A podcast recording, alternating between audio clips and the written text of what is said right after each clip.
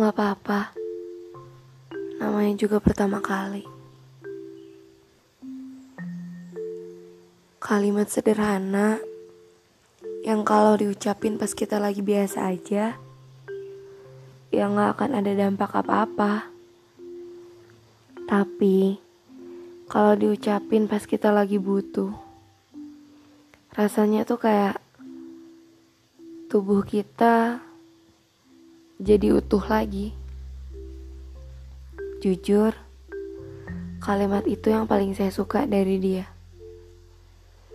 Sederhana, tapi sukses buat saya jadi lebih berani. Berani buat apa? Berani buat ambil resiko. Berani buat ambil resiko kalau nantinya hati saya patah lagi berani buat ambil resiko kalau nantinya saya jatuh cinta sendirian. Ya, sejak kalimat itu diucap, saya menaruh hati saya pada angan yang tidak jelas keberadaannya. Jujur, saya orangnya kapokan. Apalagi kalau udah ngelakuin satu salah. Rasanya apa pun itu gak bakal saya lakuin lagi. Tapi karena kalimat itu saya jadi orang yang nekat. Iya, nekat. Dengan pikiran ya kalaupun gagal, seenggaknya saya udah berusaha yang terbaik dari diri saya. Tapi ya, kalau hati saya bisa milih, saya lebih milih buat jatuh cinta sama orang yang mencintai saya. Tapi ternyata gak semudah itu. Ternyata hati saya ini egois. Dia lebih mementingkan perasaannya dibandingkan kesenangan yang akan ada nantinya kalau kalau kita jatuh cinta sama orang yang mencintai diri kita. Kalau hati saya nggak egois, harusnya kalimat jatuh cinta sendirian itu nggak pernah ada. Katanya, perasaan ada buat ditunjukin. Tapi kalau dipikir-pikir lagi, gak semua perasaan harus ditunjukin. Karena gak semua orang mau tanggung jawab. Gak semua orang mau tanggung jawab atas perasaan. Iya.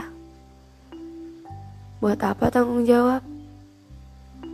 Toh mungkin dia juga gak pernah tahu kalau udah ngelakuin hal yang seluar biasa itu. Karena semua itu datangnya tiba-tiba. Ternyata jatuh cinta itu rumit. Lebih rumit dari perkiraan saya.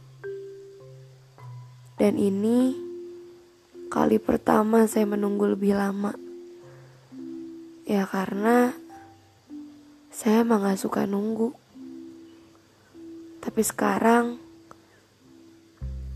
saya berhasil nunggu selama ini.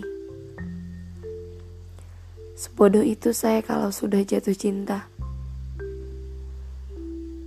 Saya selalu lupa dengan resiko patah hati rasanya kayak ya udah nanti aja sih mikirin patah hati. Sekarang nikmatin dulu senengnya. Seneng karena akhirnya saya jatuh cinta dan dan kali ini saya ngerasain kalau ternyata Perihal jatuh cinta nggak melulu harus memiliki.